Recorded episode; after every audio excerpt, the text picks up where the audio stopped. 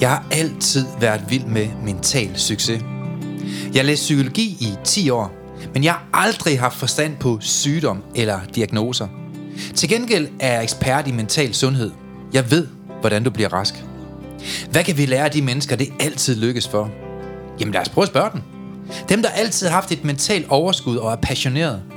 Hvilke principper kan vi lære fra den nyeste forskning inden for positiv psykologi til at udvikle vores egne færdigheder? Brugbar viden, som du kan bruge i dit eget liv til at føle dig bedre tilpas, selvsikker og glad. Mit navn er Søren Lynge, og du lytter til podcastserien Mental Succes. En serie, hvor vi går i dybden med, hvad du præcis kan gøre anderledes for at smile mere, grine mere, leve mere og sætte fokus på de smukke ting i livet. Også når der er modgang. Velkommen. Hej Søren. Hej Per. Så er vi her igen. Ja, det er til, hyggeligt. Øh, nummer 60 afsnit. Nej, det er løgn. Det er rigtigt. Ej, hvor Der er en sindssygt. form for jubilæum. Wow. Ja, det er fedt. Får man et eller andet? Det ved jeg ikke, det må vi finde ud af. Øh, vi får løn for Vi kan få en brud og pille i. ja. Jeg har engang fået nogle guldkarameller. ja, Det er vist, det er rigtigt. det er vist, hvad det kunne blive til. Ja, vi fik et, øh, et brev fra en og guldkarameller. ja. Ej, jeg ved, der er mange, der sætter, der sætter virkelig pris på den her podcast. Folk identificerer sig med den, og jeg, jeg, jeg er ikke så meget på sociale medier, men jeg er da blevet tagget nogle gange, de få gange, jeg er inde og kigge. Ja.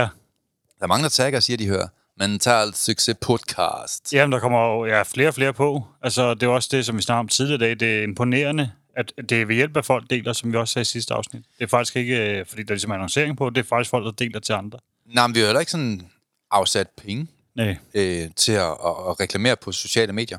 Vi må Det er jo dyrt ud med det gode øh, budskab, og så satse på, at det, man laver, det er godt nok. Og det viser det jo Ja, på lytterne. At, og i øh, dag handler det om frustrerede følelser. Vrede, Ja, ja, og vrede, håndtering ja. og det her med at, håndtere følelser. Ja. Så og, øh, øh, ja, jeg har jo selv været vred, men vi har også haft en anden en med, som øh, også har været vred. altså jeg vil i hvert fald sige, at ham fyren, vi er med i dag, han har faktisk opnået alt det, som andre drømmer om, Per. Ja. Det er at gå fra at være meget vred og irriteret og unlikable, til at være mega likable. Mm. Altid i godt humør. Ja. Altid strålende, smuk, glad, giver energi til andre mennesker. Hvem, hvem vil ikke det? Ja. Og det, er jo, det, er jo, det var jo så meget, så nu kan jeg afsløre noget ved et foredrag, Mm. hvor at øh, naboen øh, Ej, det med, hvis jeg... Men øh, du kan lige fortælle historien om Ej, det. det var faktisk vildt. Fordi jeg, spurgte, om han ikke ville forklare noget til alle de andre, der var til foredraget. Og så afbrød en eller anden, ved, kvinde. Øh, og jeg tænkte, det var sådan lidt upassende. Han var lige ved at fortælle, hvordan han har fået et bedre liv. Og så siger hun, det der, det kan jeg skrive under på, for jeg er hans nabo. Han har virkelig fået et nyt liv. Han plejer at være sådan en sur gammel idiot, og nu er han bare glad. Og det er i flere måneder, han har været glad, så hun kunne bare skrive under på, at, at, øh, at det var et helt nyt liv, øh, hun var vidne til. Ja, det synes jeg er lidt sjovt. At, Men- øh, at man lige får sådan en med, sådan en indspark med, ikke? Jamen det, der er jo sindssygt, det er jo, at der er mange mennesker, som ikke arbejder på at ændre sit mindset. Jeg tror også, der er mange, der ikke er klar over, at, man, at, øh, at øh, vrede er et valg. Ja, altså man kan forandre sig. Ja. Alle kan forandre sig. Men jeg synes jo, at mange mennesker, Per, de har en følelsesmæssig intelligens, som ikke er mere udviklet end sten eller man skok mm. med en køl. Ja. Du ved ikke? Altså, de har aldrig udviklet sig. Nej. Og tror ikke, og går i den overbevisning, negativ overbevisning om, at man ikke kan udvikle sig. Ja, de tænker, at det er bare sådan, jeg er. Ja, Altså, det, det det så er det sådan, helt sikkert sådan, man er. Jamen, det, ja, det, det, sådan, ikke? Jo, det er den mest letkøbte undskyldning. Det er det. Altså, fordi Ja, øh, alle kan lære at håndtere vrede. ja enig. Og der er ikke så meget med at sige til det. Men jeg tror også, der er mange mænd, de, de reflekterer ikke over, at man sådan set kan forandre sig. Nej, ved du, hvad mange mænd gør? De reflekterer over det, der er 10 cm væk fra deres egen navle. Det er, hvad de gør, Per. Nu var det ikke lige det, jeg ville til. Men noget, jeg fandt ud af, når jeg snakker mange, ja. Det er jo, de ved ikke, hvornår de er ked af det, og hvornår de er vrede. Nå, okay, ja. Så de går, de er egentlig ked af noget, sover over noget, mm. så bliver de vrede i stedet for, så det er lettere ligesom at hoppe derover. Og så kommer det ud på alle mulige dårlige måder, og man får råbt af konen, og man får skældt børnene ud, og man får mm. givet fingrene i trafikken, eller givet ja. en, øh, en huskekage nede på den lokale poppen fredag aften. Ikke? Og vi alle sammen kender jo sådan nogle mænd. Ja. Alle kvinder har nok haft sådan en kæreste på et eller andet tidspunkt i Ja. deres liv. Og det er nok også den samme kæreste, de har haft. Ja. den lokale bunderøv, ikke? Ja. Ham, der altid taler om sig selv i 30 minutter. Det var så en halv time for meget at Ja. høre på det, ikke? Jo, og det er jo det, der er et eller andet sted er skræmmende. Altså, fordi hvis... Der er mange mænd, der kunne lære noget der, i forhold til håndtering af vrede. Ja. Så kvinder, hvis I sådan øh, har nogle mænd i jeres liv, der ikke er den mest karismatiske stjerne i galaksen, så kunne det være, vi kan give jer nogle gode fif i dag til, ja. til, hvordan man kan få en mand til at få styr over sit mindset, få mindre vrede i sit liv, og blive mere likeable, og blive ja. en, som andre folk lige godt kan lide. Ja. Og men, Og mand. stram sikkerhedsbælte. Ja. Det kommer til at gå stærkt i dag. så, ja. Ej, der er mange, der, der har ringe kommunikationsskills, det må man bare sige, Per. Og, jo, og man tror nærmest ikke sin egen sanser, når nogle mennesker, de åbner munden, ikke? Altså, hvor man virkelig tager sig til hovedet og tænker, jeg skal lige i her, det prøver at rette min tær ud igen. De mange mennesker er, mange, altså, er bare primitive i måden, ja. Ja. de kommunikerer på. Øh, De er ikke særlig like på, de er ikke særlig søde over for andre mennesker. Og et eller andet sted, så kender vi jo den der umulige onkels elendige kommunikationsstil, mm. ikke? Øhm, hvor man, hvor man bare græmmer sig, fordi at der er altid diskussioner, der er altid fokus på noget negativt, der er altid fokus på det næstbedste, der er altid fokus på, hvem der er en idiot, og hvem der burde gøre noget bedre. Ikke? Mm. Øh, og her har vi altså en, en god årsag til, at man altid er negativ. Og der er flere og flere, der får lykkepiller, fordi de bliver mere og mere ulykkelige. Mm. Og det, det betyder i virkeligheden bare, at man fokuserer meget på det, man er imod, frem for det, man er for. Ja, fordi, hvad kan man sige, øh, der er noget helt andet i det også, men det kommer nok til senere, at øh, vrede kan også bruges konstruktivt. Det må man sige. Og det er der mange, der ikke tænker over, men det kan bruges konstruktivt også. mange af de hospitaler og gode tiltag, der er lavet i Afrika, er jo lavet ud fra en frustration og en vrede mm. af nogen, som virkelig tænker, kan det passe? Ja, Det var faktisk samme måde, jeg lavede lyngemetoden på, ja. ja, kom jeg lige i tanke om. Det var frustration over, at man kunne gå til psykolog i 10 år, eller gå i psykiatrien, og så kunne man stadigvæk komme hjem med depression ja. eller stress. Hvor jeg tænkte, kan man ikke udvikle noget, der er mere effektivt, hvor man får nogle mentale værktøjer uge for uge? Så jeg tror, at mange ting bliver skabt ud fra frustration. ja, Lamborghini, den blev skabt ud for, at Ferrari han lavede en bil, hvor koblingen den ikke fungerede, og han ville ikke have sat den. Og så kom Lamborghini og sagde, fint, så laver jeg bare selv en bil. Og det har jo så været den største konkurrent til Ferrari lige siden. ja. Så meget bliver jo skabt ud fra frustration et eller andet sted, ikke? Men man skal bare huske på, at vrede, det kræver mere og mere fysisk plads i hjernen. Såvel som, altså vrede tanker kan jo trumle positive følelser ned. Ja, ja, 100 procent. Og vi skal jo huske på, at vi vokser, vi vander jo ikke ukrudt. Altså, hvem går ud og vander ukrudt? Men et eller andet sted, så øh, ligesom ukrudt det vokser, så, øh, så vokser vrede tanker også, og smitter andre tanker. Øh, og de masser mange andre ting ned på deres vej, negative tanker. Og de, de, de ødelægger meget godt i vores liv. Så jo mere tid og jo mere plads man giver til vrede tanker, desto mere kontrol vil de få over din hjerne. Og derfor er det så vigtigt, at vi kommer til at arbejde hen mod at give folk noget værktøj til, hvordan mindsker man frustration og irritation, og hvorfor har nogle mennesker altid problemer, mm. mens andre mennesker, de aldrig har problemer.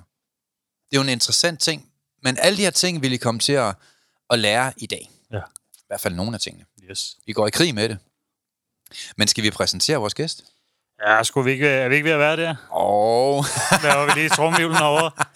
velkommen til dig, Brian, Hej. fra Aalborg. Yes. Det er jo en sand, sand, det er jo rigsdans, I skal høre på i dag, fra Danmark. Jeg skal nok oversætte, hvis der bliver tvivl derude. Brian og jeg er jo begge to fra Aalborg. Man kender ikke hinanden fra Aalborg. Overhovedet ikke. Men Brian, øh, hvordan mødte du... Øh, altså, du, du var en vred mand før i tiden jo. Det var mildt sagt. Det var Du mildt var, sagt. du var en bombe af frustration. Ja, det var jeg. Det var ingen tvivl om. Øh, ja, hvordan var jeg sådan lige kort fortalt, så det var nærmest lige meget hvad folk de sagde til mig, så får jeg det vendt til noget negativt. Altså, mm. så eksploderede mm. jeg bare. Altså, lad være med at tale sådan til mig. Altså, sidder faktisk siger til mig overret, jamen, du er faktisk en dejlig mand. Ja, det skal du fandme ikke sige til mig. Altså, Så du kørte bare på med det der. Ja, ja, lige nøjagtigt. Lige nøjagtigt. Fuld skrue. Fuld skrue. Men var det bare din identitet dengang? Altså, var det bare sådan i godsøjne, du var? Ja, det tror jeg faktisk bare, det lå til mig. Altså, det var bare, det var bare overret sådan, jeg valgte at leve mit liv, fordi det var, jeg vidste ikke bedre. Og, Men hvor mange er ikke sådan? Altså, det var jo no- normaliteten på mange områder i dit mm. liv, tænker jeg. Og i mange andres liv. mm, ja, bestemt, bestemt. Jeg Hvordan tænker var- sådan lidt, øh, jamen også hvis man tænker tilbage, mm. fordi tit finder vi ud af, at så er det, fordi man ikke har haft den viden, eller haft nogle ja, forældre, der har lært en det, eller nogle voksne i sit liv, der har lært en de her ting, og lære at håndtere de her ting, mm. øh, så man handler ud på den viden, man har. Ja. Men jeg tænker, hvis man går tilbage i dit liv, hvor længe har det så været sådan? Jamen, det startede jo faktisk nok allerede helt tilbage i min barndom. Øhm, var meget usikker i skolen, og havde, havde mange frustrationer, og vidste ikke, hvordan jeg sådan skulle takle hverdagen. Mm. Øh, pirkede meget for skole, fordi at, øh, jeg følte mig ikke sådan likeable i skolen. Mm. Altså, det der, der var et eller andet ved mig, som der ikke var ved de andre. Ja. Og det begyndte jo klart at sætte nogle frustrationer i mig, og begyndte at, at gøre, at jeg begyndte at reagere voldsomt. Ja. Ja. Øh, fordi folk de blev ved med at sige til mig, hvorfor er du siger sådan nogle ting, og hvorfor er Ja, du ja. gør sådan noget der? Og så Mm. siger jeg, "Jamen, det er sgu da meget normalt. Altså, det er sgu da jeg, der er ja, blown Ja, away, skulle jeg ja. lige til at sige, ikke? Altså, prøv at tage jer sammen. Ej, øh, så det, det var helt tilbage til barndom, hvor det allerede begyndte at starte op. Det er ingen tvivl om. Ja, så bliver der bare fyldt, øh, fyldt på, ikke? Fordi man laver en eller anden øh, mm. selskabt profeti, skulle jeg til at sige. Man tænker, at verden er sådan, og det er bare sådan, man er, og så folk synes, man er en idiot, så lever man op til at være ham den sure idiot, og alle de her ting også. Ja. Så man bygger det jo selv på også. Man kender det også lidt, hvis man øh, stopper og har en dårlig morgen. Mm. Der er en eller anden, der kører ud foran en. Så har man ligesom to måder, man kan reagere på det der. Men er man vred fra start, så tror jeg godt, alle sammen herinde ved, hvordan man reagerer. Ja. Så er det med fuckfinger nærmest, og øh, store idioter, man bliver pisse sur, og mm. man er nærmest ved at køre ind i dem, ikke? Ja. Men man kan også tænke, okay, ved du hvad, hvad får jeg ud af det her? Og så ligesom sige, lad, det er det, der kan ske. Man kan selv lave samme fejl et eller andet sted, ikke? Og så 100%. køre videre. Men man kan trække sådan en med sig der. Så der kommer den næste i trafikken, så sidder man også og banner sort over det. Mm. Og, og det der, når man så ligesom er blevet vred, så kan man jo køre den med sig rigtig længe.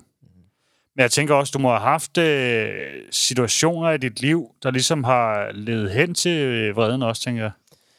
Det er ingen tvivl om. Øh, meget tidlig alder, der blev min mor og far skilt. Ja. Øh, og allerede der, der begyndte der sådan at danne sig en eller anden form for et billede omkring mig, hvordan mit liv var. Var det egentlig af mig, der var skylden i, at de blev skilt lige pludselig? Ja. Øh, og faktisk dagen i dag, for lige hurtigt at gøre det kort, så jeg ikke engang fået svaret på det, men øh, det kommer. Men, men det var sådan nogle små ting, fordi min storebror, han, han, han havde et lidt andet syn på livet, kan man sige. Han har altid sådan vidst, hvad vej han gå. Mm. Så jeg var sådan lidt, okay, er jeg skylden i det her? Er det sådan set en bitte Brian på fire år, der har gjort, at mor og far ikke er sammen med? Mm. Og, ja, og så begyndte man jo at komme med alle de her, med at sige til sig selv, at uh, du er ikke god nok, og nu skaber du kun problemer for dem, der er tæt på dig. Og, Ja. ja, så generelt de der ting, ikke? Øhm, og det gjorde ondt. Ja, Det gjorde rigtig ondt. og det kan jeg godt forstå. Det er også det er hårdt for et barn at gå med den tanke. Ja, meget. Og det, uanset hvad, hvad folk vil sige, så det var aldrig barnets skyld. Altså, det kan godt være, at man har et barn, der måske mm. ja, har det svært, eller har den eller anden ting. Men man er også nødt til at tænke på, at man er forældre, og man har et ansvar. Så som barn skal det ikke være barn, der tager skylden for det der også. Der må forældrene ligesom træde i karakter, ikke? Præcis. Og det gjorde min mor så lidt, mm. heldigvis. Mm. Takket være hende, kan man sige. Ja. Øhm, hun øh, kontaktede selvfølgelig kommunen og skulle finde ud af, hvad gør vi lige? Øh, mm.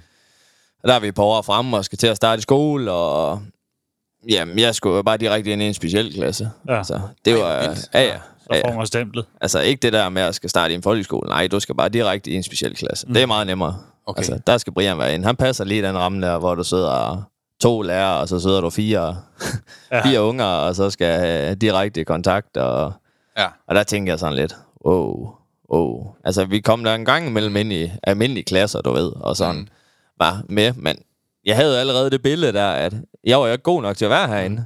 Så hvorfor fanden skal jeg sidde herinde? Altså, Ja. undskyld, men altså, det kunne jeg slet ikke forstå. Det kunne jeg slet ikke forstå. Nej. Så jeg ville jo gerne ind i et andet rum igen. Så jeg begyndte der bare... Så tog jeg en løbsteg med og skrev øh, spasserlærer på tavlen. Jeg har nok ikke stavet det rigtigt, vel, men øh, du ved. Og så kaste stol i lokale, og det, den fik bare ikke for lidt. Altså, jeg skulle da ikke være herinde med alle de der 25 åndssvage øh, børn, der sad herinde. Nej. Altså, jeg havde da for helvede lokale, jeg kunne være i for mig selv, hvor der kun var fire, og det var noget meget federe, fordi jeg var jo som sagt ikke god nok til at være herinde. Ah. Men man burde jo tage det der specialklasse som noget positivt. Fordi når gang jeg ser en øl, Det gør du ikke. så når den hedder specialøl, så er det en bedre øl, Per. Ja. Ikke? Specialklasse, det, det- det, er så negativt, ikke? Men Jo. alle Ja. andre stilletilfælde, hvor den der, den, og specialbil, så ved man bare, at den er bedre end alle de andre biler. Ja, ja. Men det er også så det der med- lige associeret omkring skole, så er den noget ringere. Ja, Ja, ja, det er det lige altså. Det kan Det er jeg så- også det huske for mig spøjst, selv. ikke? Mm. Altså, jeg blev, man bliver sådan, du får et stempel i panden af det. Det er virkelig mærkeligt. Øh, og på et eller andet tidspunkt, så lever du op til det stempel. Ja. Fordi, øh, for at vide, at du er anderledes fra start, Mm. eller du lige pludselig mm. er, jeg føler, du ikke er god nok til at være derinde. Ja. Altså, det, det er bare, altså, man, det er sikkert med bedste mening, man gør det. Jeg forstår mm. også godt, hvorfor man gør det. Men øh, man skal tænke det ind i andre baner, tror jeg, på andre måder. Ja, ja, det er ingen tvivl om. Det er ingen Fordi tvivl Ja. om. det der med, ligesom at blive sat ind sådan et sted, det er også, så er man jo lige pludselig sat ude for fællesskabet. Mm. Mm. Mm. Og jeg tror et eller andet sted også, det man nok havde mest brug for, øh, hvis jeg skal tænke på mig selv, det var, at man ligesom følte, at man ikke var unormal i forhold til de andre. At man faktisk var en del af, af et fællesskab også i skolen. I stedet for, at man er et eller andet specielt barn. Det vil det i er- hvert fald, øh, det vil i hvert fald løfte folk på en anden måde, ja. det er der slet ingen tvivl om. Men det er bare synd, man ikke lærer det, ikke? Jo.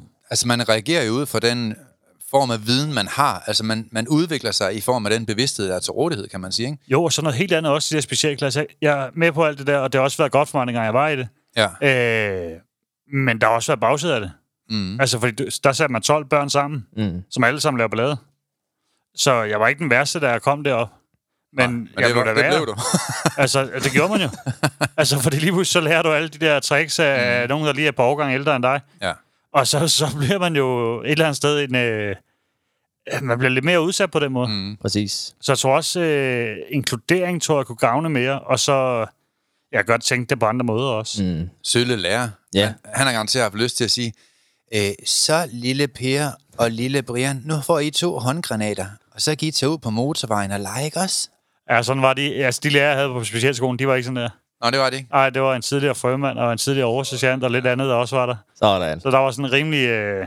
Ej, jeg tror, de første, de var sådan der. Ja, de første var Ja, sådan. det er nok Ja, rigtigt. og så kom, så kom man lidt videre i systemet, hvor Ja. det blev endnu vildere. Så øh, ah, der blev vi... Øh, der, der, jeg vil sige sådan også, da man kom derop, og der lige stod de der voksne mænd i den type der, Ja. der, øh, jeg kan stadig huske, om der er en af dem, han, han råbte så højt nogle gange, når han fik skæld ud. Så selvom det ikke var dig, han skældte ud, så fik du stadig chok, når han begyndte. Ej, det er sindssygt. Og så tænkte jeg bare, hold da op. Så, og det var lige så, den der, hvad hedder hovedpulsåren, den stod bare pumpet på ham, kunne man se. Men altså, dengang der fik man jo også sådan en på skallen, så ens personnummer, det er nærmest bliver nulstil, ikke? Men 100%. øh, man skulle lige overveje sin tilgang i hvert fald i forhold til folkeskolen, vil jeg sige. Ja. Ja. Øh, der var en lidt anden måde at håndtere tingene på deroppe. Men, det, Men Brian, øh, det bliver bare ved det var med... godt. Ja. Ja, det var det. Men Du bliver bare ved med at gå galt for dig, så hvordan Ja. var det oppe i de ældre klasser? Jamen, øh, så blev jeg jo faktisk rykket ud af folkeskolen. Øh, faktisk allerede i første klasse. Der havde jeg jo faktisk hængt en øh, knejt op i, i knærækken ude på gangen, og han var blå i hovedet og var faktisk meget tæt på at dreje sig om. Øh, Okay. Stakkels barn. Øh, Ja. Og det var jeg klar, det var alle frustrationerne, der skulle ud, og han var pisse dygtig til fodbold. Det troede jeg også, jeg var. Og det var vel øh, at mærke, at læreren, der røg op. Ja, lige præcis. øh, men øh, jeg var god til at spille fodbold, mm. men jeg havde bare ikke den her indstilling i livet til at kunne fortælle mig selv, at hey, du er faktisk god nok til fodbold. Mm. Så jeg røg altid på det dårlige hold.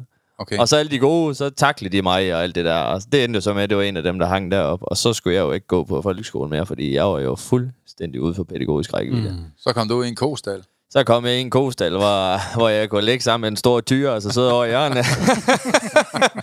Nej, så blev jeg faktisk uh, rykket direkte på en lukkeinstitution i Frederikshavn. Nej, hvor sindssygt. Hvor Yes. gammel var du der? 8 år gammel. Hold da fast. Bum. Shit, man. Ja.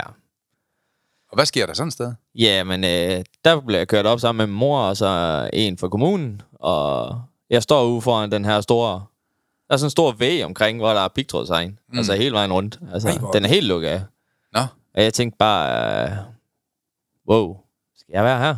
Ja. Mm. Øh, er jeg godt nok så slem? Men det må jeg jo være, siden ja. jeg skal være her. Så, det er åbenbart. så ja.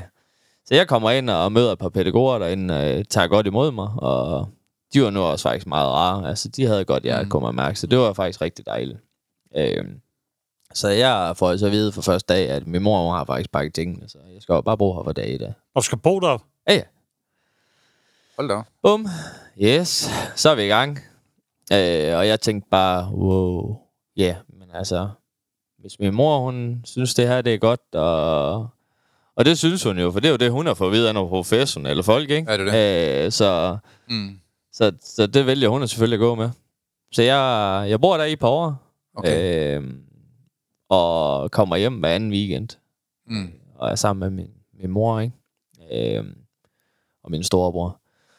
Og man kan sige, øh, de to år der, der, der gik det meget op og ned. Mm. Øh, det er ingen tvivl om. Jeg kom i en speciel skole igen, eller ja. En folkeskole med ja. en speciel klasse. Øh, der var så bokse, man sad i. Altså, Okay. Så der kommer vi lidt tilbage til kostallen, ikke? Altså, Mm. der sad vi sgu i bokse. Altså, Okay. der havde du din egen boks, og ja. den skulle du bare have styr på. Og der havde vi en matematiklærer, han, han skulle nok ikke have arbejdet med sådan nogle børn, som mig på det tidspunkt. Mm. Sådan nogle børn som mig. Altså, mm. folk, der ikke lige har fået de rigtige retningslinjer mm. i livet, ikke? Men ja. øh, det kunne han ikke håndtere. Så hans vrede, det, det var klør 5. Ja. Så, fik du en? Så jeg fik simpelthen en losing, hvor jeg nærmest væltede den ene af de her sidevægge her, Mm. i den boks her. Og ja, jeg vidste ikke, hvordan jeg skulle forholde mig til det. Altså, det var, det var specielt. Hjælp var det det. noget så? Ikke en skid. Nej. Jeg blev bare 10 gange værd. Mm. Mm. Øh, og de troede jo ikke på mig på institutionen, fordi ham er, han var jo kåret til en af de der rigtig Mm. dygtige øh, lærere, ikke? Så, Ja. så, så de valgte jo selvfølgelig at stole på ham. Og det var super fint. Ja, så øh, fik jeg heldigvis lov at komme hjem derfra. Mm. Ja. Og så havde de startet i Pandrup, ligger lidt uden for Aalborg. Øh, altså, det var for lige... Per, han ved, hvor vi er henne, ikke? Jo, jo. Øh, så, Det ved han ikke øh, lige. Ej, jeg er Pandrup. Jeg tænker? Jeg har Aalborg. Ja, det er sådan et sted, hvor du ikke kan se forskel mellem hustru og mand. ja, lige Eller præcis. Men nu kommer I begge to, du selv derfra, jo kan man sige, lidt så det jeg ved ikke, om øh, du har lidt selvmål der, så. Prisene går med nummerplader og sådan Ja, lige præcis. Lige præcis. Og den lille tillægby, der er ved siden af Moseby, der Ja. kører du ikke hjem, så mister du fælgen. Altså, det er der, vi er ude. Så ligger der hus i ny og næ på toppen af en møding. Velkommen til Pandrup. Lige nøjagtigt. Ja. Ja, men uh, de har startet det, der hedder sådan en hel dags skole i Pandrup, og den skulle jeg så på direkte derfra. Ja, og det er jo bare et pænt udtryk for, at du er nødt til at blive sendt herhen. Ja, lige Ja. ja. præcis. Lige mm. præcis. Øh, de vil jo selvfølgelig ikke have mig ind i en folkeskole igen, Nej. det er klart. Jeg, er- jeg er helt ude, hvor alle tallene de er røde, så, mm. så det er Mm. klart, vi skal derover. Der går jeg i på år, og jeg har nok registreret, det ved jeg ikke, lovligt fra at være 5%, ulovligt 90. Altså, Mm. jeg snakker jo hele tiden. Jeg skulle ikke være der. Nej. Altså, det, det skulle jeg ikke. Altså, de, de prøver at gøre mig til et eller andet, som jeg ikke var. Mm. Øh, Skal passe ind i en kasse. Ja, lige nøjagtigt. Og det var også med det her. Nu skal du sidde over i hjørnet på den stol, for nu har du ikke været ordentlig, Brian. Mm. Nå, Mm. ja, okay. Jamen, jeg sætter dem over på stolen. Og så når de gik ud, så oppe over vinduet, tænkte vi ses! Ja, Og, og man ved bare, i Pandrup, der er der ikke et hus, der er over to etager højt, så den var god nok. Ja. Ja. Bare ud af alle vinduer. den er ikke gået i København. Nej, nej, det er Jamen, altså hop ikke. du bare, ja, lige Åh, nøjagtigt. Ja, men det, det kunne de jo hurtigt se, det gik jo også helt af hovedet til. Mm. Mm. Så, så min mor fandt en skole, der ligger... Nu siger vi Særslev, så prøver vi at se, om han ved, hvor vi er henne. Overhovedet ikke. Nej. Nå, mellem Aalborg og Brønderslev, så. Åh, oh, ja, det vidste jeg godt. Ja, ja. Han ved det ikke. bare kør på, Brian. Orden. Nej, øhm, og der har de øh, også en hel del skole op, men på en institution. Okay. Så hvor der er uddannede pædagoger, men også lærere, som Ja. ja. ligesom skal lave sådan et fællesskab, for at vi skal prøve at løfte det her i flok. Mm. Øh, og det var super fint. Mm. Og øhm, jeg kommer derop og går der i to måneder eller sådan noget. Jeg er omkring 12 år gammel på det tidspunkt, ja. Og der får jeg en kontaktperson, jeg så møder. Øh, han er fra Norge. Mm. Det varmeste hjert. Altså, du kan bare se i øjnene bare med. Mm. Han har bare et eller andet. Altså, han vil sørge for, at jeg kommer i mål. Altså, oh, fedt. det kunne man bare mærke på ham. Altså, der, den, den person har jeg aldrig nogensinde sådan Nej. mødt, ud over min mor og min storebror, men de havde selvfølgelig også deres liv ud over, ikke? Og så fra Norge. Det kan han jo så selvfølgelig ikke gå for. Nej, nej, overhovedet ikke. ja, så det var faktisk mega dejligt. Fedt. Øhm, og der går så et par måneder, hvor jeg tænker, det kører meget godt det her. Jeg går i skole og, og har et par dialoger med, med min kontaktperson og, og lidt frem og tilbage. Og så øh, begynder jeg sgu lige pludselig at komme lidt tilbage, du ved. Mm. Ah, jeg vil sgu også gerne hjem igen. Og, Ja. Så jeg begynder at finde på, altså, hvis der er nogen, der kan undskylde for at komme væk fra en skole, så er det mig. Så er det dig. Så, så er bare at give en sms, så skal jeg nok komme med nogen, hvis det er. Men, øh, men det var helt åndssvagt. Altså, det var helt ned til, at, øh, at jeg sagde til en, øh, en matematiklærer på et tidspunkt, at øh, jeg havde simpelthen så ondt i posen, så jeg kunne ikke sidde på stolen. Så jeg var nødt til at skulle hjem. og den her stakkels kvinde, hun må jo øh, desværre ikke kigge, så hun sagde, ja, det er sgu synd for dig, vi sender dig hjem, Brian. ikke? Så jeg er begyndte... Ja, ja, lige præcis. Den har jeg aldrig brugt, Per. Nej, nej, den er fandme god. Den Kører virker. Med. Ja. Ja. Det tror jeg, det tror jeg, der må være en fridag. Men du har haft en meget, meget turbulent barndom, så. Det har jeg. Hvordan var det i dine ungdomsår? Ja, hvordan var det? Øh, sådan venner omkring mig, meget udskiftning. Mm. Altså, der var, folk kunne ikke lide at være sammen med mig, og de vidste jo godt, den ene dag, så havde de den Mm. glade Brian, og den anden dag, så var jeg jo klar til at smøre dem en i femmeren, ikke? Altså, Mhm. altså der var, det var så stort udsving. Altså, Ja.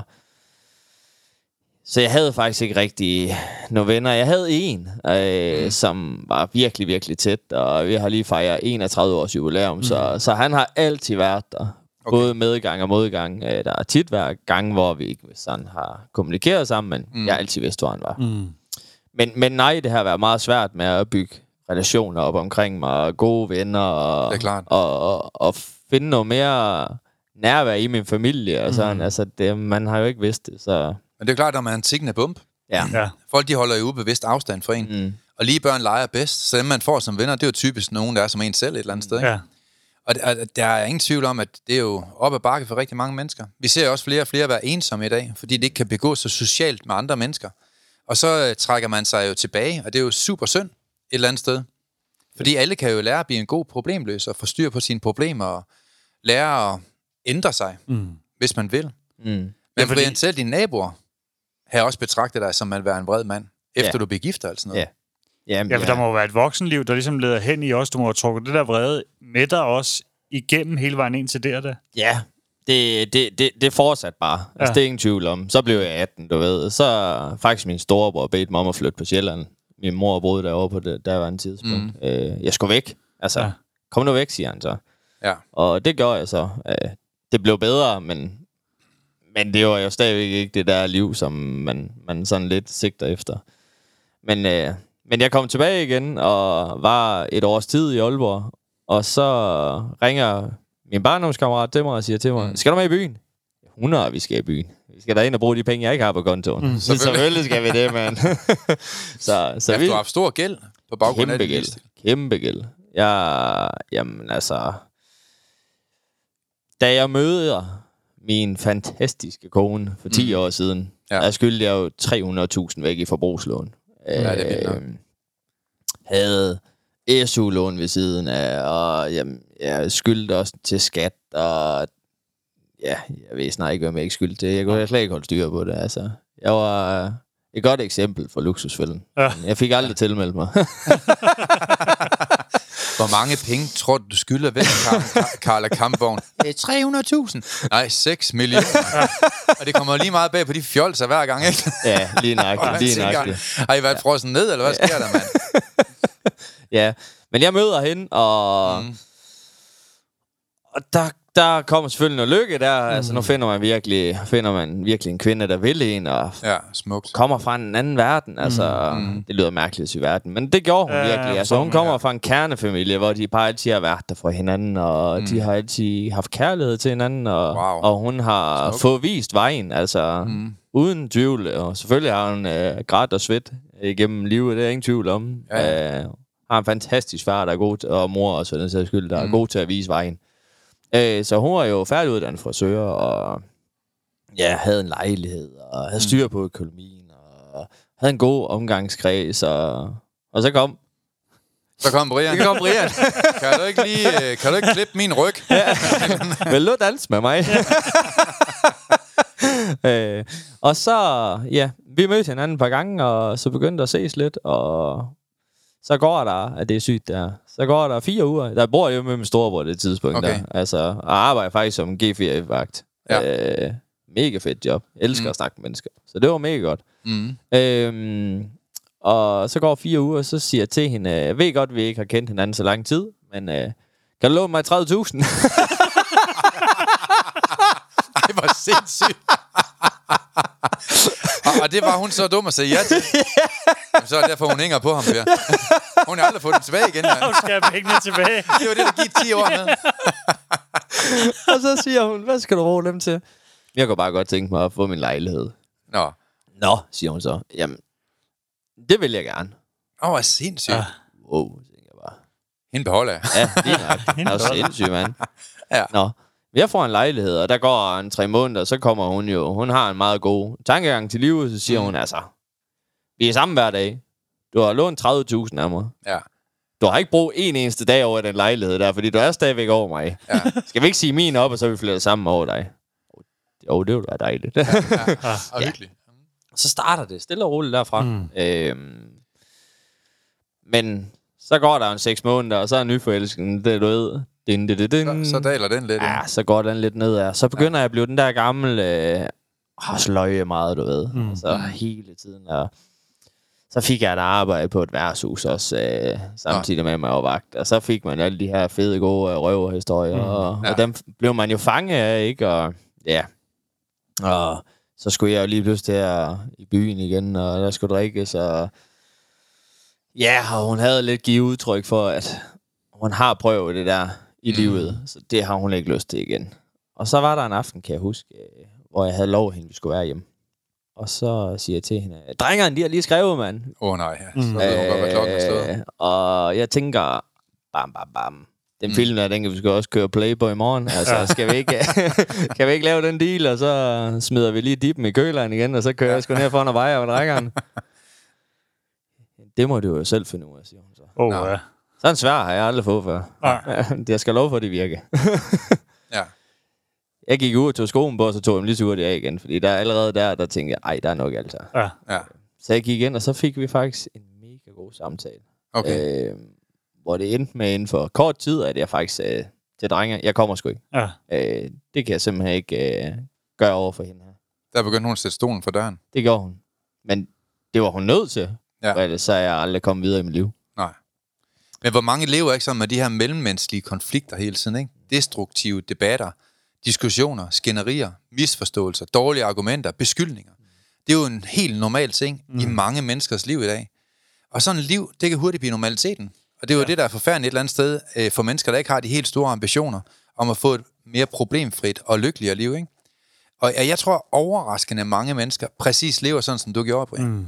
Det der med, at man har et konfliktfyldt miljø, og det bliver normaliteten.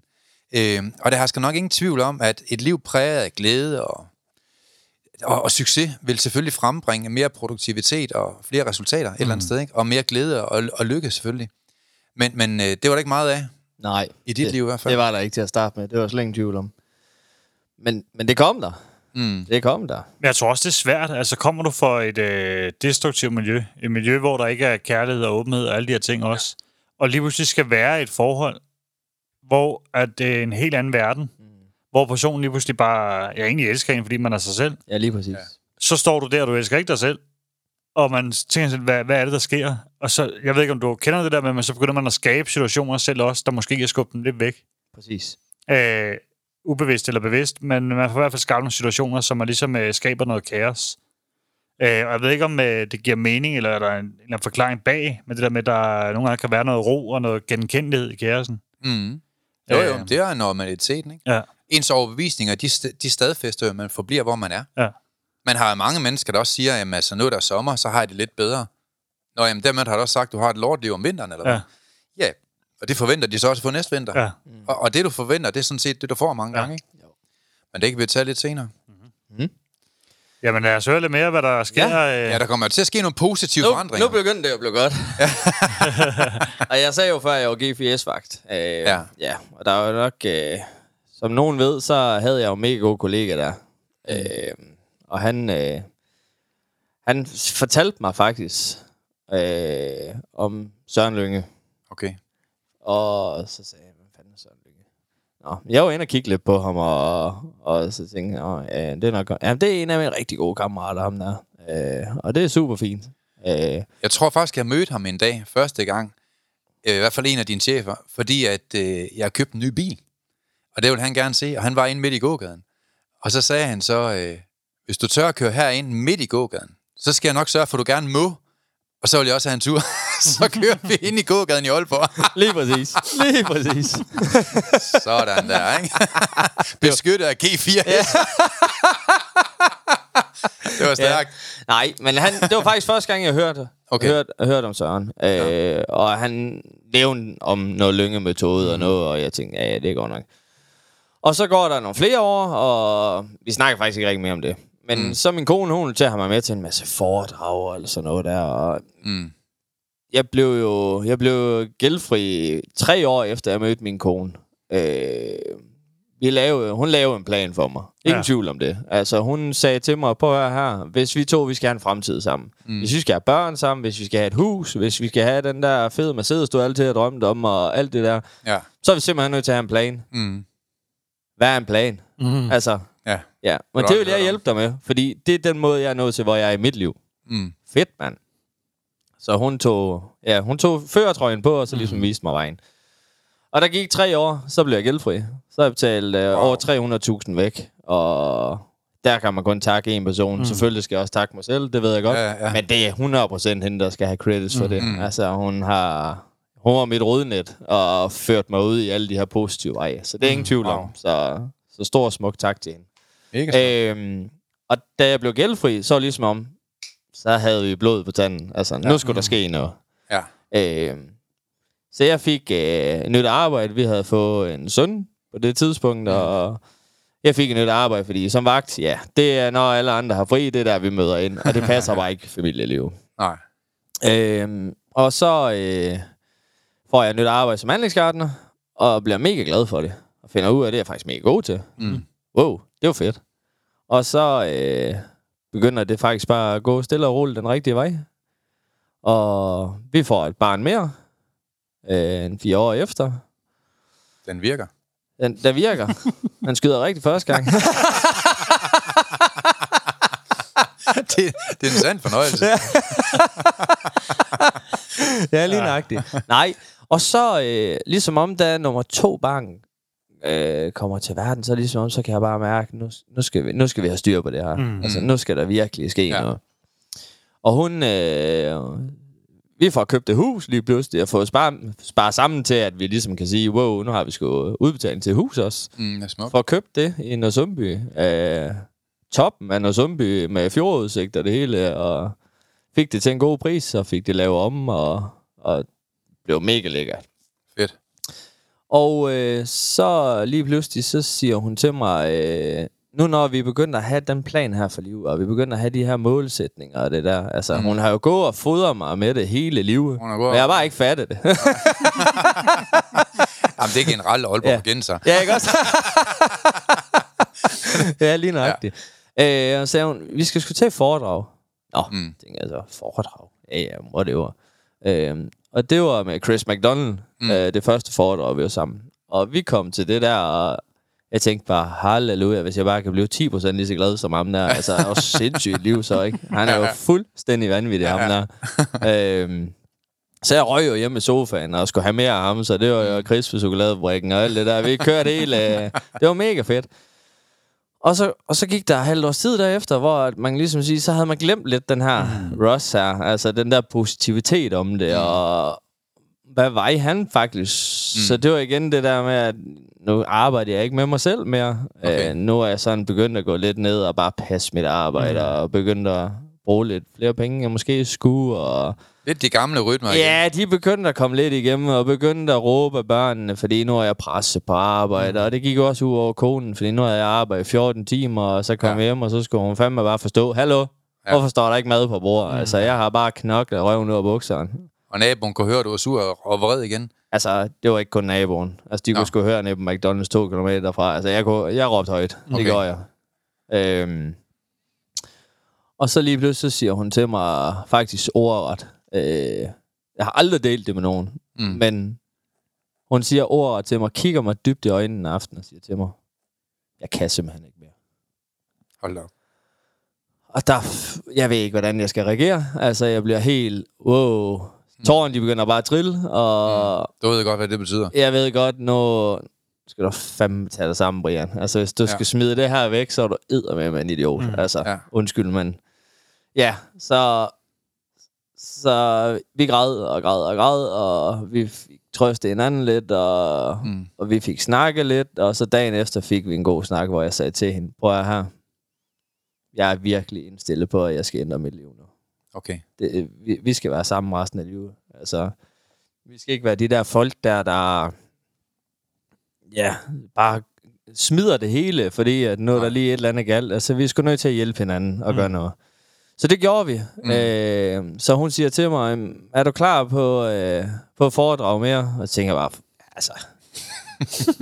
Skulle vi ikke redde det forhold, eller? øh, og den her gang har du ingen undskyld, for jeg har købt dem. Nå, Nå, ja, ja, så må vi jo afsted.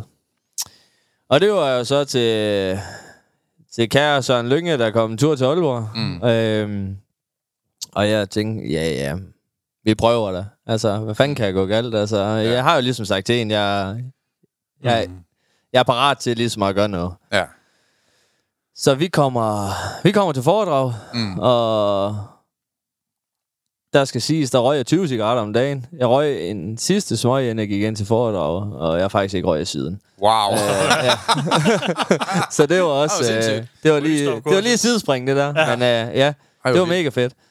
Øh, men jeg sidder derinde, og meget skeptisk til at starte med. Altså. Jeg får en eller anden bog, jeg kan se, der er sådan en eller anden... Det ligner nærmest som pyramide, man og punkter og noget, du ved. Det er, når tænker jeg, hvad fanden skal jeg nu til at betale for at komme med i et eller andet her? Og så sidder er der en eller anden... der. Og der var der en eller anden blanket, jeg kunne sætte en nummer på et navn, og så ville, så ville han ringe til mig. Altså, Nå, ja, ja, Ja. ja. vi tager den derfra. Ja. Så da vi så har været til foredrag, øh, så prikker hun til mig og siger, at det er jo slut nu, skat. Altså, Mm. du må godt lukke munden og trække vejret. altså, der faldt bare et eller andet på plads der. Mm. Altså, jeg kunne bare mærke, det var det redskab, jeg skulle have, for jeg kunne arbejde med mig selv. Mm. Øhm, så jeg skrev selvfølgelig mit telefonnummer op, og min kære Søren, han ringte til mig et par dage efter, Ja. og, og så, øh, så får vi en snak, og, og så siger jeg til ham, jeg skal bare, altså, jeg tør sgu ikke smadre os økonomi igen, så jeg, jeg må hellere tage det der lige til, til syv uger til at starte med, for Ja. lige, lige at bevise over for hende også, at, at jeg gerne vil det. Altså. Ja, ja. Og det gjorde vi. Og der gik fire uger, tror jeg, ind i det der syv ugers forløb. Mm. Så ringede jeg Søren, så sagde jeg til ham på, på en måde, øh, det her, det har gjort så meget. Øh, det første redskab, øh, som øh, du har kun tre problemer. Altså, det var allerede syg nyt på, at jeg har brugt. Og det er jo mærkeligt et eller andet sted, for du siger det jo selv. Ja. Øh, at man bruger nærmest 80 procent på alle mulige andres problemer og Mm. vilkårlige ting. Mm. Og det gjorde jeg. Mm. Ingen Altså. tvivl. Altså, så da man fik redskaber til at kunne sidde og bebrejde det her, sidde og skrive det ned, sidde med min kone i fællesskab og sidde og prøve at løse det her, Mm. så bare på fire uger, så røg jeg jo fra 20% på mig selv til 70% på mig selv. Altså Mm. bare på fire uger. Altså jeg har aldrig nogensinde... Der sad vi og lavede den samme øvelse efter Mm. fire uger, hvor hun bare sagde, du skal jo have mere af det her, skat. Altså det er jo dig. Jeg har jo prøvet faktisk et eller andet sted igennem ja. Ja. de sidste 10 år at fortælle dig, at du skal, du skal arbejde med dig selv, og så Ja. skal du bruge de her ting, du har haft i dit liv, Mm. til at kan give ud til andre. Mm. Det har hun jo prøvet mange år. Ja. Det fatter jeg jo ikke lige. Men øh, Men der gik virkelig noget op for dig. det ja. gjorde. Hvad skete der inde i dit hoved og dit humør, Brian? Jamen, det drejer jo fra, at... Øh, som sagt, jeg røg den første smøg til foredrag, og sad allerede og var totalt negativ, og tænkte, hold kæft, man, det der kolke-smil, han kan da ikke lære mig en skid, mand. ja, det er fuldstændig vildt. til, øh, til fire uger efter at sidde der og have en forvand, forandring ind i ens mindset, hvor at man bare kan mærke, at du har fået nogle redskaber, du har fået nogle mm. videoer, du kan arbejde ud fra. Mm. Øh, det har givet dig et, faktisk for at sige rent ud sagt, problem, problemfrit liv. Altså, Ja. hvor du faktisk ordret øh, sidder efter fire uger og tænker, jamen jeg har slet ikke bekymringer om de der ting, som var i min fortid, og nu er jeg faktisk begyndt at stå op hver morgen og være glad. Ej, hvor sindssygt. Ja. Altså, det har jeg jo ikke, På fire uger. Ja. det, det har jeg ikke prøvet i 10 år. Ej, hvor sindssygt. Altså, hun kunne jo stå op en lørdag morgen og lave det største brunch til mig, og lave det lækkerste morgenmad. Og jeg var den første til at finde en fejl på det der morgenbord der. Oh, uh. Ikke? Men det var du færdig med efter fire uger. Fire uger, der stod jeg selv op og lavede morgenmad til dem. Sådan Wow. der. Ja. Vi kan jo lige læse op, hvad der står bagved. Mental succes. Podcast med mentale værktøjer til et problemfrit liv. Præcis. Det har provokeret mange mennesker, Per. Ja. Men nu har vi altså en, et strålende bevis på, at der har fået et fuldstændig nyt liv på mentale værktøjer. Mm. Mm. Brian, hvordan har du det i dag? Ja, det er fantastisk. det er fantastisk. Altså, Det, det kan alle jo mærke Ja. på dig. Ja. Det er, det er også derfor, jeg sagde i starten, Per, at det liv, du har fået, Brian, det er det, alle mennesker, de gerne vil have. Mm. Du er glad hver dag. Du har fået styr på dit liv. Det her, det er ikke et quick fix. Du har indgået i et langt større program bagefter. Ja. Ikke fordi, at, at man nødvendigvis skal det, men du valgte jo af egen fri vilje at blive mentaltræner. 100 procent. Fordi lige pludselig, så, som du selv siger, så har du oplevet, at alle de smerter, du har forvoldt dig selv igennem hele dit liv, og den smerte, der er blevet forvoldt dig, den vil du nu bruge konstruktivt til at træne andre mennesker med de så samme værktøjer, som har forvandlet dig til at få et bedre liv. Ja, og jeg glæder mig. Wow. Hvordan er det at komme i gang med et nyt liv? Det er jo Kan sind- folk mærke på dig, at du er et andet menneske? Er det? Jamen, det er jo helt sindssygt. Altså, jeg nævnte jo min storebror i starten. Øh, ja. Han har været karrieremenneske hele livet. Han har altid vidst, hvad han ville med sit liv. Altså, mm. Han har været et kæmpe forbillede øh, for mig. Det er slet ingen tvivl om. Mm. Øh, har en rigtig stor fed stilling på Grønland nu. Mm. Men vi har ikke sådan haft den her broderlige... Altså, øh, han har følt lidt mere, at han skulle være en far for mig. Mm. Altså i dag der er vi bare bros. Altså Ja, virkelig. virkelig. Altså vi skriver sammen. Han ringer selv til mig nu. Mm. Altså det har han wow. aldrig gjort før, og det bebrejder jeg ham overhovedet ikke for. Nej. Men, men du ved, han, jeg tror ikke, han har haft sådan, du ved, hvorfor skal jeg lige ringe til lillebror? Altså, så, Ja, skal jeg, så skal jeg betale 500, fordi han skylder for en flaske ind i Omforeningade, eller så et eller andet, du ved. Altså, det gider jeg sgu ikke at ringe og spørge Nej. efter, vel? Øh, hvor i dag, altså, vi har det fantastisk sammen, og han kan bare se, hvordan jeg bare vækster fra dag til dag til dag, altså, og hvordan jeg er blevet en familiefar, og en bedre mand, og bedre over for min egen familie generelt, sådan det Mm. store billede, og har sorteret en masse venner fra, som troede, ja, der var venner, Mm. men øh, det var det bare overhovedet ikke. Men alle kan se det på dine sociale medier. Ja. Alle. Ja. Og det er jo kun en opfordring til dem af jer, der er derude. Følg Jeg, Brian. jeg vil sige sådan også, fordi Følg jeg kan huske, at vi har en snak på et tidspunkt, Mhm. i forhold til noget dialog, jeg ved ikke, om du kan huske det, Jo, det men i forhold til, hvordan du støttede selv den anden vej. Mm. Så siger jeg, støtter du din kone, som hun støttede dig? Hvor du også siger, øh, så siger han, du skal jo være lige så glad for hendes sejr, som hun er for dem. Mm. Så støt hende i det også. Ja. Og så siger også, du, du twist et eller andet i mit hoved der, Per. Mm. Fordi det er jo også, det er jo lige så meget, man er jo et par, Ja. man er et team. Så når man sejrer, så sejrer mm. begge to jo. Præcis. I stedet for, at man ser, ser modparten eller partneren, eller, altså se det som et team. Det, I opnår, det opnår I sammen. Mm. Og jo mere man kan, det er jo bedre, ikke? Og jeg ved, hvad du hentyder til. Hun er jo selvstændig, min fantastiske kone, og har været det i, i fire år nu. Lidt over fire år. Ja. Øh, og jeg har som aldrig, før de sidste halvår nu, men før, jeg har aldrig nogensinde sagt til hende, hvis hun kommer ind og sagde til mig, nu har jeg fået tre år, der skat. Mm. Hvorfor har du ikke fået fire? Er jo helt sindssygt, ikke? Ikke? Mm. Altså, åh, jeg har lavet 12.000 da. Jamen, hvis du nu ikke fucking har siddet og snakket med de der kvinder så lang tid ud af den salon, så har du nok lavet 15.000. Ja. Altså, altså, det er jo sygt at stå og snakke sådan til et menneske, som faktisk har ikke lavet andet at give dig ressourcer og Ja, ja, ja. ja. økonomi mm. og kærlighed og Ja. give, berige dig med lækre børn. Og, Mm. Og så sidder du bare og træder på en, hvad det er, hun kommer ind for sit, sit erhverv, ikke? Altså, til i dag, så, ja. jamen, så danser vi nærmest tango ind i stuen, hvis hun har fået, hvis hun har fået en stor ordre, ikke? Altså, Var det stærkt. Ja, øh, og det har jo reduceret i faktisk, at, øh, at jeg også skød rigtig en gang til, så nu har vi jo fået en pige også, så nu har vi tre unger. Jamen, det er utroligt så produktivt, man kan være, når man er i godt humør, ikke? Det er fordi, nu fokuserer han ikke på alle andre problemer. Men det er jo fuldstændig vildt, fordi du er jo virkelig i godt humør hver dag, Brian. Mm. Det er Ja, det, det du er blevet kendt for i hele Aalborg. Mm, Alle kan se det på dig. Du, du er et fuldstændig nyt menneske. ja. Og der er mange, der spørger mig, hvad, hvad, hvad gik der egentlig galt? Altså, du ved, positivt. Hvad, hvad gik der rigtigt? Altså, hvad skete der Ja. egentlig? Ikke? Og et eller andet sted, så kan man sige, at det træningssystem, øh, vi har bygget op, det er jo et træningssystem, som for første gang i rigtig mange menneskers liv lærer folk ny læring. Mm. Og det vi ved omkring hjernen, det er, at når hjernen lærer noget nyt, som man kan implementere dagen efter, øvelserne, de er jo sådan ret logisk, når du først sidder med dem.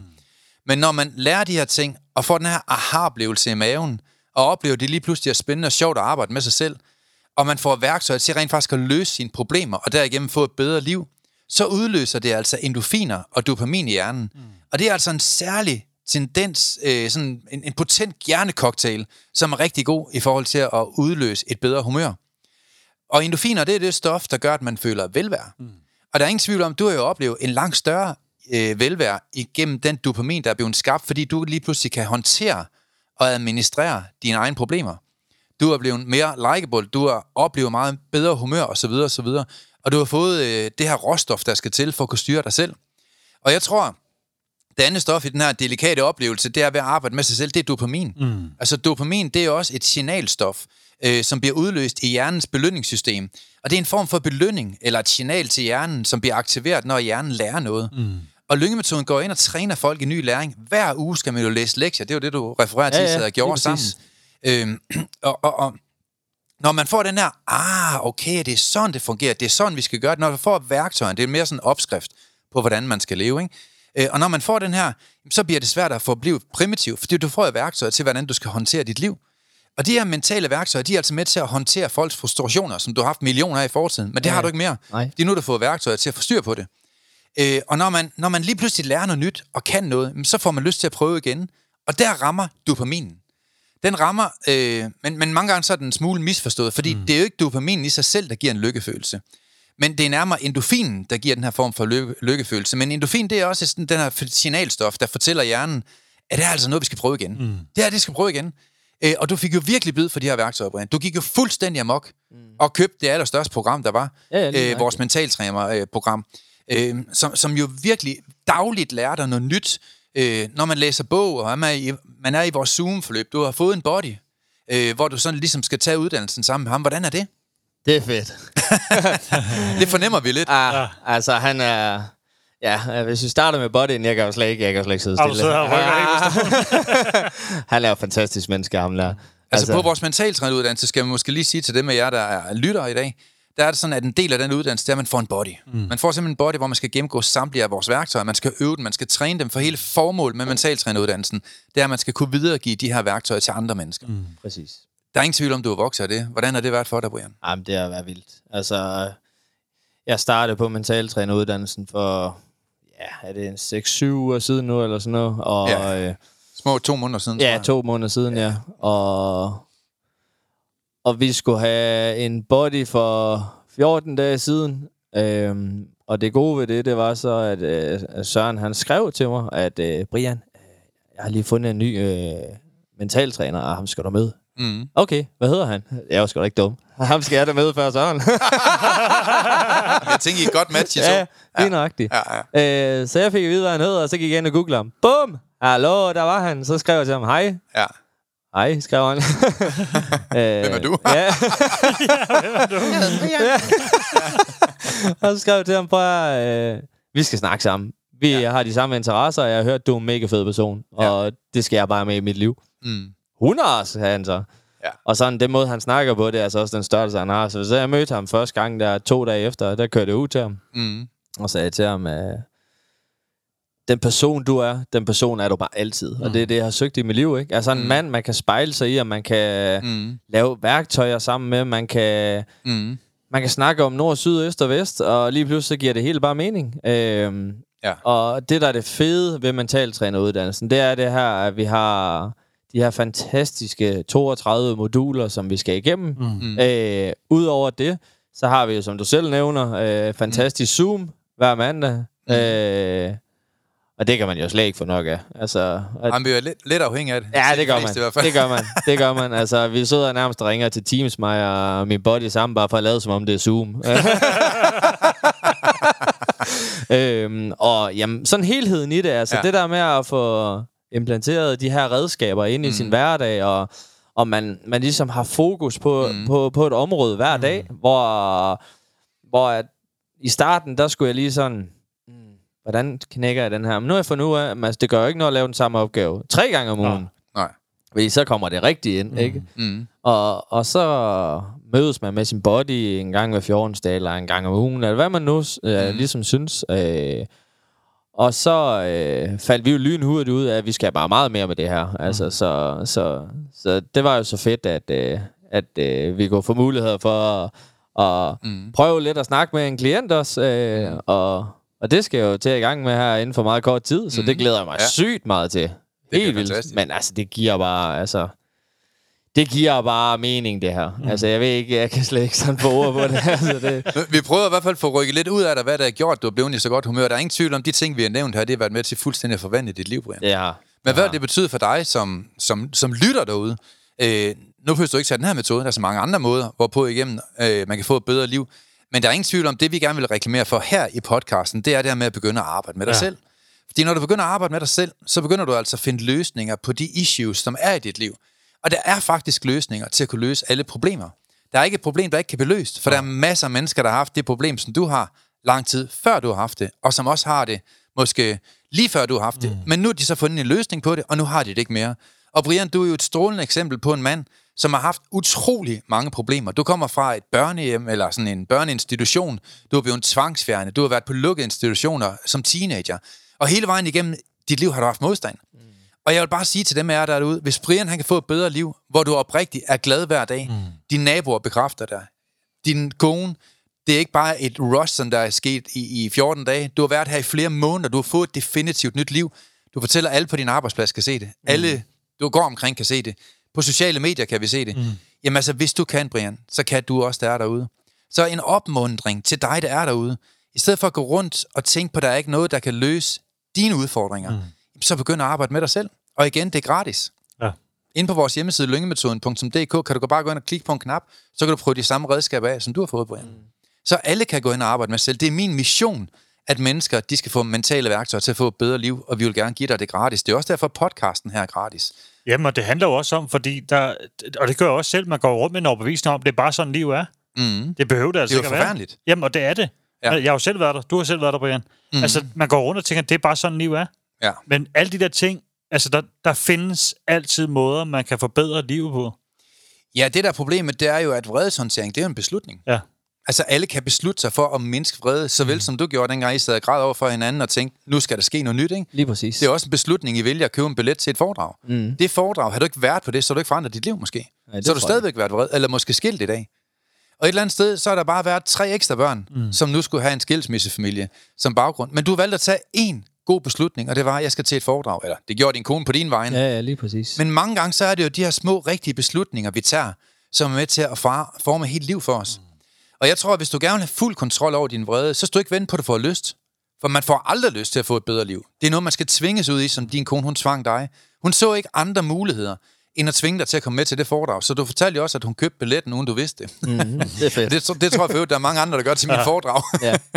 så de er ikke så farlige, men et eller andet sted, så, så det der er farlige element i de her foredrag, det er jo, at du, du får en opskrift på et bedre liv. Ja. Længere er den ikke. Det er omvendt coaching. I coaching skal du selv sidde og gætte dig til et svar. I lyngemetoden, der er der et svar. Det er en opskrift, du skal følge for at få et bedre liv. Vi har altså været inde og nærstudere flere tusind mennesker i, hvad de har gjort forkert, og hvad vi andre kan lære af dem, der har gjort ting rigtigt. Og så har vi sat det op i et system, som alle mennesker de kan lære. Så, så man kan sige, hvis du vil have fuld kontrol over din vrede, så står du altså ikke vente på, at du får lyst. Men det er en beslutning, du tager indfra. Øhm, og du skal ikke regne med dine følelser. Dine følelser, de er jo egentlig bare helst af det liv, som de havde i går. Mm. De er primitive, de tænker ikke frem, de konsekvensberegner ikke. Og det er jo derfor, du har sådan et lorteliv før i tiden, Brian. Det er Det er jo fordi, du er lystbetonet. Har du lyst til at købe noget, så gjorde du det. Du, du skaffede dig gæld, uden at bruge hovedet og tænke dig om. Men lige pludselig nu, så har du lært at leve efter din sund fornuft. Du har lært at leve efter mentale værktøjer. Og det er det, der gør en kæmpe forskel, tænker jeg. Det er uden tvivl. Øh, altså, jeg har aldrig læst en bog før. Nu har jeg læst tre. Ja, der er jo ligesom pensum i den der uddannelse. ja, lige præcis. Ja. Og ja, og bare generelt, altså, man har fået, fået det ind i sin hverdag nu, ikke? Altså, mm. det der med, at nu, nu har man faktisk, i stedet for at sidde og se Netflix, eller sidde og...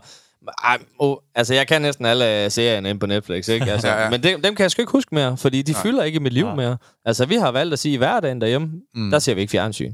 Der arbejder vi med os selv. Wow. Eller, eller så sidder vi og er nærværende over for hinanden. Mm. Altså, Wow. Altså, det, jeg forstår slet ikke, hvorfor det skulle tage så mange år af mit liv for at finde ud af, at det er faktisk den rigtige vej i livet. Altså, Altså, ja, det er fantastisk. altså det der at være nærværende, altså det er jo Men du gør, jo, fantastisk. du gør jo lige præcis samme som alle andre. Du ja. handler ud fra den viden, du har. Ja, lige nøjagtigt. Og, Ja, og folk kan ikke gøre andet, indtil Nej. de har mere viden. Nej. Mm. Så det der med, at man tænker tilbage, hvorfor gjorde jeg ikke sådan? Jamen, sådan kan man sidde med tusind ting. Ja. Men man, man handler ud fra den bedste overbevisning, når man gjorde det i den situation, man var i på det tidspunkt, Præcis. man var i det. Ikke? Præcis. Så jeg tror også, jo mere viden man kan skabe selv, og det var også selv til, da vi snakkede inden, jo mere jeg finder ud af, jo mere jeg ved, at jeg ikke ved. Ja, ja, lige nøjagtigt. Og, og det er ikke pinligt at erkende, der er mange ting, man ikke ved. Men det, der er åndssvagt, det er, hvis man ved, man har issues i sit liv, ikke at gøre noget ved det, når der er mulighed for at gøre noget ved det, synes jeg. Mm. Det er jeg helt enig i. Jeg kunne godt tænke mig at høre fra jer begge to, fordi vi skal til at runde af for et skønt afsnit. Mm. Men øh, jeg kunne godt tænke mig et godt råd fra jer begge to. Mm. Og skal du have lov at starte, Søren? Det kan jeg godt. Jamen altså, øh, måske lidt, sådan, lidt spøjst råd. Så det er kun til en vis mængde af dem af jer, der lytter i dag. Det er kun til 5% af, 2% af jer måske. Men jer 2%, vi mangler virkelig mentaltræner. Mm.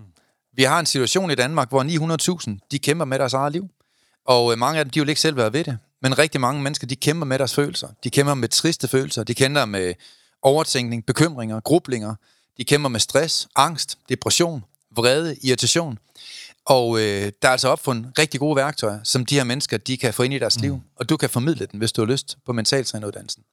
Så en lille opmundring til, at lige pt, der, der må vi jo sige nej til rigtig mange forsikringsselskaber og kommuner, fordi mm. vi ikke har mentaltræner. Mm.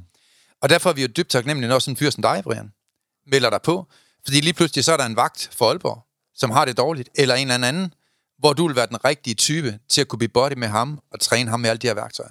Og det er sådan et land, vi gerne vil skabe. Vi vil gerne skabe et land, hvor vi kommer til at hjælpe hinanden, hvor man nødvendigvis ikke skal erklære syg og gå til store udredninger og få diagnoser for at få et bedre liv, men hvor du egentlig bare kan få nogle mentale værktøjer. Mm. Du kan sidde og arbejde med derhjemme på en video, få en body, få nogle værktøjer, som du kan profitere godt af, få nogle samtaler, og derigennem få opskriften på et bedre liv. Mm. Så øh, gå ind på mentaltræneruddannelsen.dk og book en samtale med mig. Det synes jeg kunne være fedt. Så hvad du kan opnå de samme resultater som Brian. Mm. Det er min lille opfordring i dag. Uh. Så jeg godt tænke mig at høre dig, Brian. yes, Dagens yes. gode ord. Ja. Jamen, øh, det tror jeg faktisk, det skal være, at man øh, skal købe foredrag. Altså, det mener jeg virkelig. Købe foredrag. Nej. Ja. Men mm. øh, prøv at arbejde med dig selv, mm. stedet mm. for at gå imod dig selv. Fedt. Altså det her med at løbe panden mod muren hele tiden. Mm. Øh, jeg har gjort det hele livet, men nu har jeg lige pludselig fundet ud af, hvordan man faktisk kan implementere nogle redskaber i sig selv, som gør, at man kan få mm. et andet liv.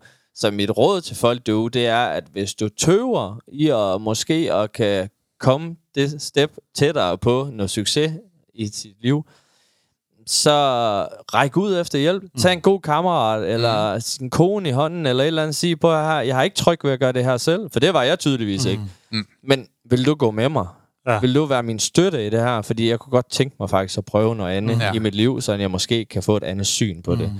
Det vil jeg sige, det er et stort skridt, hvis man bare kan nå dertil, og så kommer det helt af sig selv. Og det er faktisk et lille skridt bare at gøre det. Ja. Købe billetten og se os ja. i cirkusbygningen, hvor man får lov til at møde dig. Ja, ja. Vi har lavet sådan en lille kultur. Øh, det er jo, at mange af dem, der har været med i podcasten, de skal jo med i cirkusbygningen, mm. hvor vi holder en kæmpe fest. Der kommer tusind mennesker. Mm. Øh, du får en masse værktøjer til at få et bedre liv. Det bliver en fest.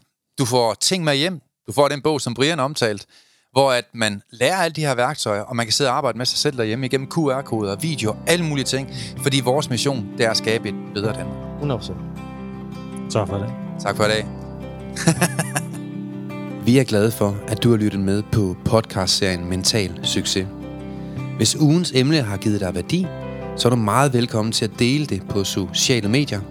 Og hvis du har lyst, så har du mulighed for at møde os hver måned, når vi turnerer Danmark rundt med åbne foredrag og giver mentale værktøjer væk. Vi glæder os til at se dig på mentalsucces.com. Vi ses i næste uge.